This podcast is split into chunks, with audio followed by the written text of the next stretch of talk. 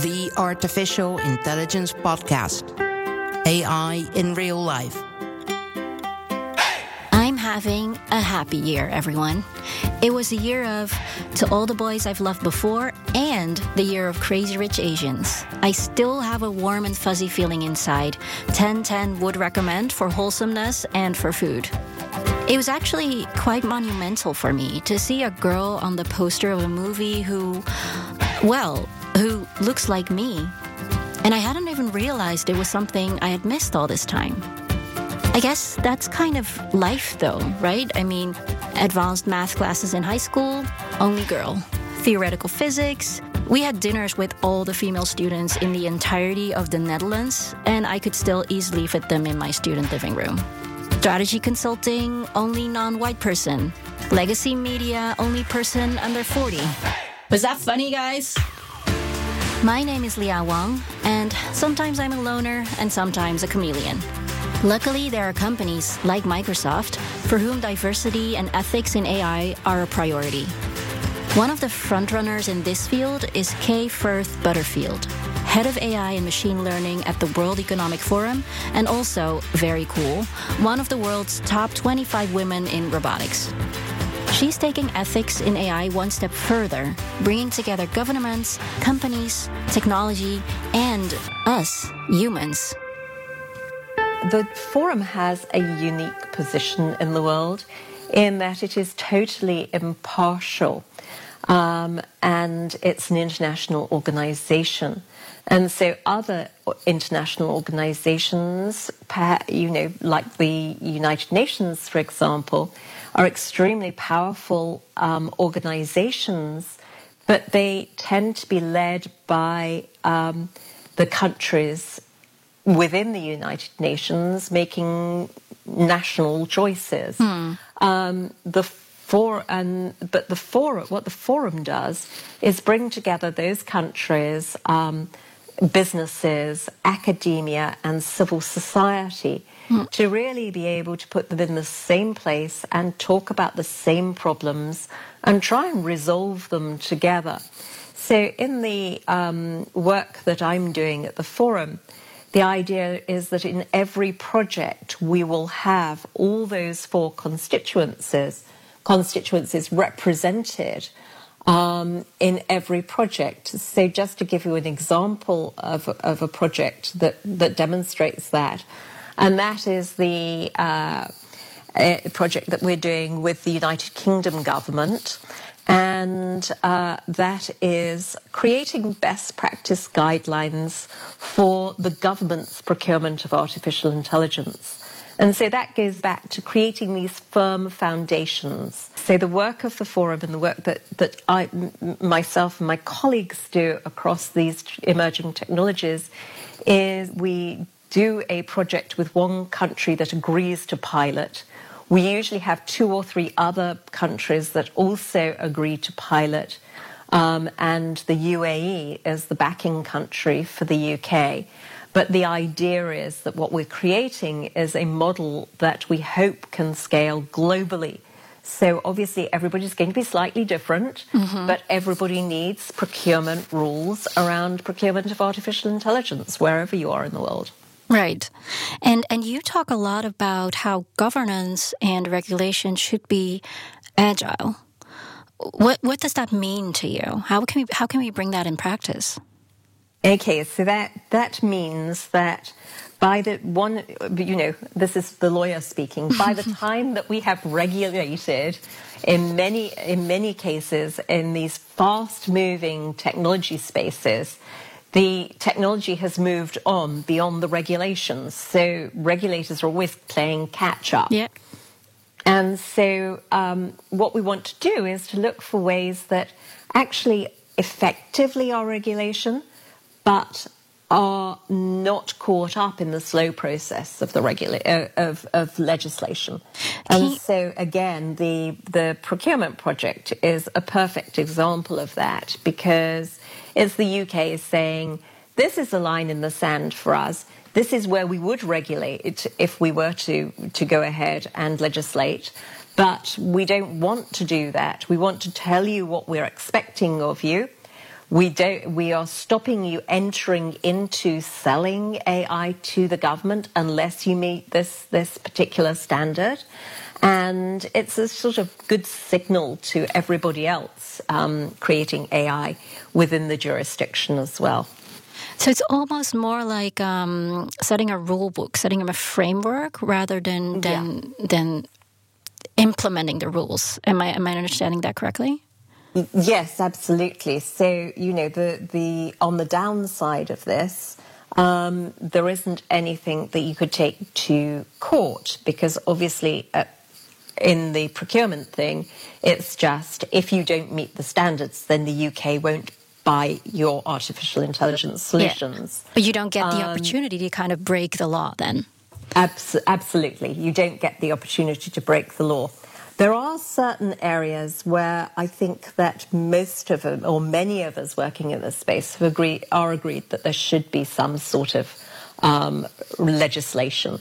So, for example, uh, during summer, Brad Smith, who's the president of um, Microsoft and is also the co chair of the forum's um, Global AI Council, called for urgent regulation around facial recognition technology. And I think the vast majority of us feel that that is an area where government simply has to intervene.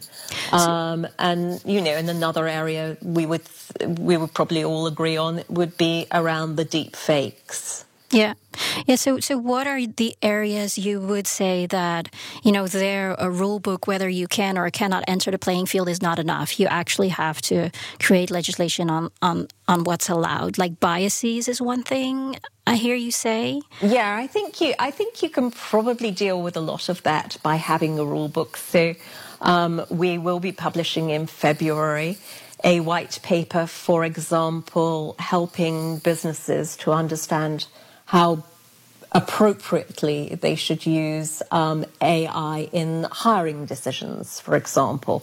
So, you know, I think there are there are standards that the IEEE is bringing in around uh, bias, and so that might not need legislation, but the places that absolutely, definitely need legislation are places where, um, in a democratic society, uh, the use of AI can undermine democracy. Mm. So those are the deep fakes you're talking about. Mm-hmm. And, and yeah. um, facial recognition technology. Yeah. You know, the the opportunity to um, impede our civil liberties uh, is huge with yeah. the use of facial recognition technology. And then another area that I think is, bears scrutiny um, whether it's for legislation or whether it's for agile governance, is the you know when when we're using AI to uh, predict criminal activity. Yeah. So, you know, in areas where our civil liberties are at stake or our democracy is at stake, we have to think very carefully about the tools that we use. Yeah. Yeah. And that makes sense to me it's almost like there are areas that are super high risk if something goes wrong, and you need to legislate those very tightly. And then there are areas where the risk is perhaps in not doing something, in not, you know, realizing a certain innovation, and that's where you need agile governance. Yeah, yeah, that's a that's a good way of putting it. And when we go back to the UK example, which is an example of agile governance, right? Um, but who else do you plan to involve in this project, and, and how do you make sure it is, you know, both multi-stakeholder and agile? Okay, so already we've had our first workshop, and as I say, we always involve um, business, government, civil society, and um, and, and academia in every project. So we've already had a workshop where they have all been represented. Um, as we go through the project, we will be updating on our website weekly um, what we are doing at any point and inviting suggestions from everyone from the public um, through to uh, civil society, etc. Um, so we want this to be a completely transparent and open process. Yeah, yeah, and that should be an example of how AI is managed in general. I can imagine. Yes, absolutely, absolutely. I mean, one of the one of the problems is that there's a lot of artificial intelligence being created that people don't actually realize what it's about. Yeah. What, what it's capable of. And to what extent does it does it matter that AI is the majority of AI algorithms are are public knowledge, are open source, or at least um, openly discussed in academia? Well, I think that it it may not be. You know, there's there's always the risk with making everything open source, um, and that risk is that then you can get people who you bad actors mm-hmm. using the technology. But um, I think that the vast majority of people working in this space do tend to feel that open source work is is really important. And what I would like people to do is really to be trained at an early stage to think about the social implications of what they're actually doing. And so we have this other small project which is working with professors of artificial intelligence to build into their curricula a social impact um, piece um, so that their students don't come out saying, oh, yes, well, I built this algorithm to do X and I never thought about the consequences. Yeah, yeah. So the, so the developers, the scientists should be thinking about consequences much earlier in their career and Absolutely. their education.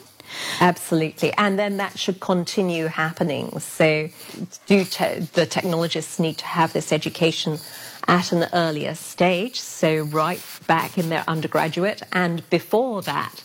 Um, in school because we'll be starting teaching these things in school. Um, but also, uh, they need to have it as a lifelong ex- a learning exercise so that the companies that they're employed by um, really uh, want to have responsible use instead of having people create things that that really perhaps shouldn't be out there in the world. Yeah, and and I that's true for the people who build this, but I think that's also true for people like me, for instance. Everyone who's just living their lives in the world. Um, how do we make how do we make sure all of us are educated and can perhaps make the career switch that you made, or can at least assess all those things that are coming into the world, whether that's something that's good for me or not. Yes, I think that that's going to be a really important piece. It may be that some things need to be better labeled. So, you know, in Europe, we have this wonderful labeling system on our food, for example. Um, one of the things that we're thinking about at the forum is uh, labeling the uh, AI enabled toys, for example. How do you ensure that parents um, ha- have a good understanding of the toys that they're buying this Christmas. And and this is a super specific and, and super tangible example because it's about our kids and, and and what they come into contact with. But but I can imagine it's much broader. Like like if you would ask my mother in law what is AI, she literally wouldn't have a, a clue. How do we educate, you know, everyone on the big and small things um, that are happening around us, you know, also how they can improve our lives. Yes, um, I think that that's the problem that we are all thinking about because um, the public's simply not aware of, for example, and again, you know, you have GDPR, so it's slightly different for you, but you know, the public simply aren't um, un- don't understand the amount of data they give away voluntarily. When they do the quizzes, for example, that you see on social media, you know, that's giving away a huge amount of your data, your personal data. Um, there, we've certainly at the forum are in conversations with the Japanese government to talk about how you might protect people's data using, for example, blockchain, and allow individuals to monetize their data themselves by making choices about whether you, um, you know, you might want to, uh, contribute, for example, your genomic data to research on cancer. but if you're actually going to be contributing it to a pharmaceutical company, you might want to make money on on making that contribution. And um, I think if that begin, if we begin to see that, we will actually begin to get much more awareness amongst the general public of um, data privacy and and uh, the issues around, for for example, bias and transparency. Yeah, so, so we need to realize it's an it's an asset. It's my asset, and it's my choice where I give that asset to. Yes, but at the moment, nothing's set up to be uh, able to make for you to make that choice. You yeah. know, terms and conditions. You just have to click through. If you want the service, you you you then have to you have to go ahead and click yes, I accept. exactly. Hey, and one other thing that really struck me ab- about you is how you're a strong believer that AI should benefit everyone. And I remember in one of your talks, you asked this very very poignant question. You know, how do we how how do we move from the brightest minds in AI focusing on selling more and more soda um, when so many people don't even have access to clean water? Yeah, so that quote is actually not mine. I wish it were. It's uh, it's a quote from Mustafa Suleyman, who is one of the co-founders of DeepMind. Um, but I feel it, I use it because I feel it very strongly that um, we need to be thinking about using this truly powerful technology to really be solving some of the big issues in our world.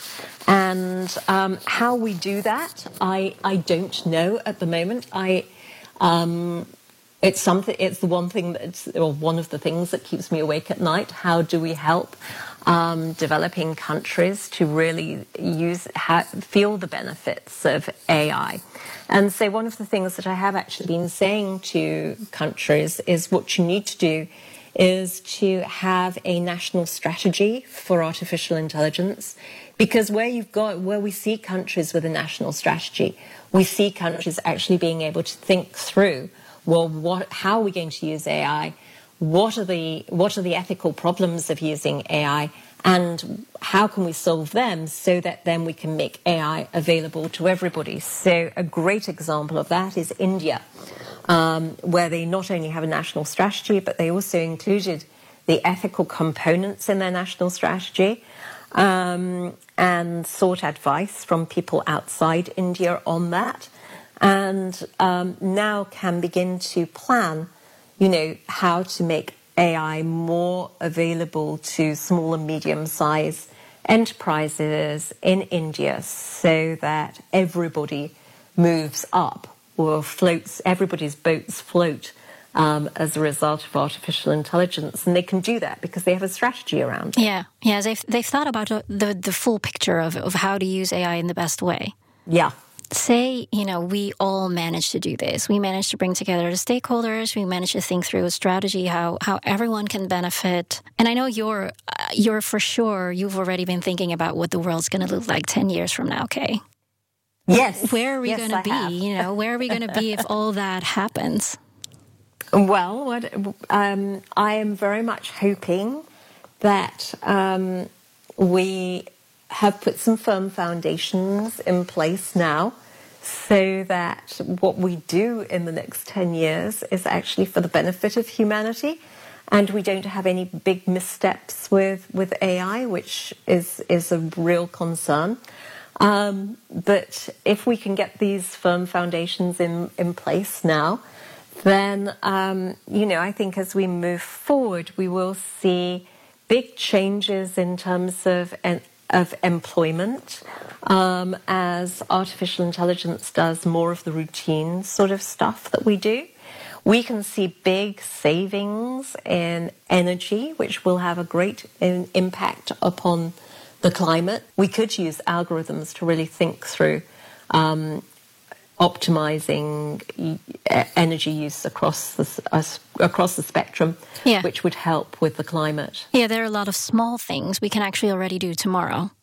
Absolutely, and what's really important about those small things is if you're using algorithm to optimize algorithms to optimize your energy use, you aren't having this interface between algorithms and, and humans, which bring up some of the challenges of bias, for example. So we can use those areas where exposure to humans and thus ethical risks are limited to start training ourselves as well in what it means to build good AI.